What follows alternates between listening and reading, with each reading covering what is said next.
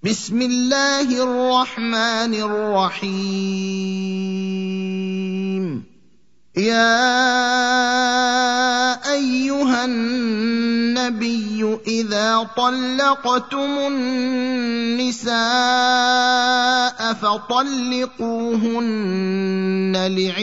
لعدتهن وأحصوا العدة واتقوا الله ربكم لا تخرجوهن من بيوتهن ولا يخرجن إلا أن يأتين بفاحشة مبينة وتلك حدود الله.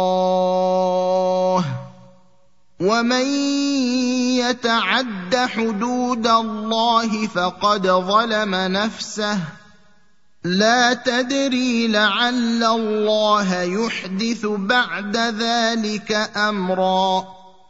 فاذا بلغن اجلهن فامسكوهن بمعروف أو فارقوهن بمعروف واشهدوا ذوي عدل منكم واقيموا الشهاده لله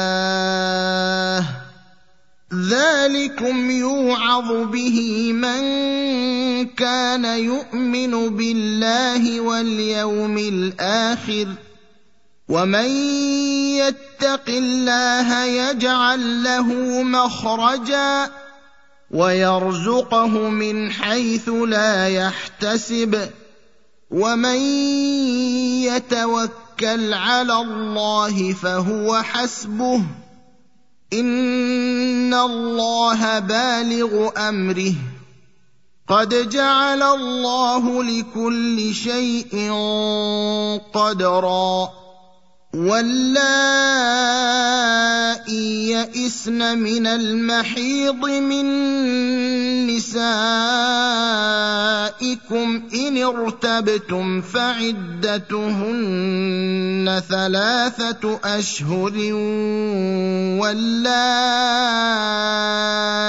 لم يحضن. واولات الاحمال اجلهن ان يضعن حملهن ومن يتق الله يجعل له من امره يسرا ذلك أمر الله انزله اليكم ومن يتق الله يكفر عنه سيئاته ويعظم له أجرا. أسكنوهن من حيث سكنتم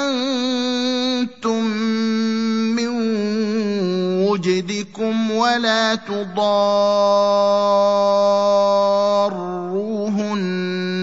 لتضيقوا عليهن. وإن كن أولات حمل فأنفقوا عليهن حتى يضعن حملهن. فإن أرضعن لكم فآتوهن أجورهن وأتمروا بينكم بمعروف وإن تعاسرتم فسترضع له أخرى لينفق ذو سعه من سعته ومن قدر عليه رزقه فلينفق مما اتاه الله لا يكلف الله نفسا الا ما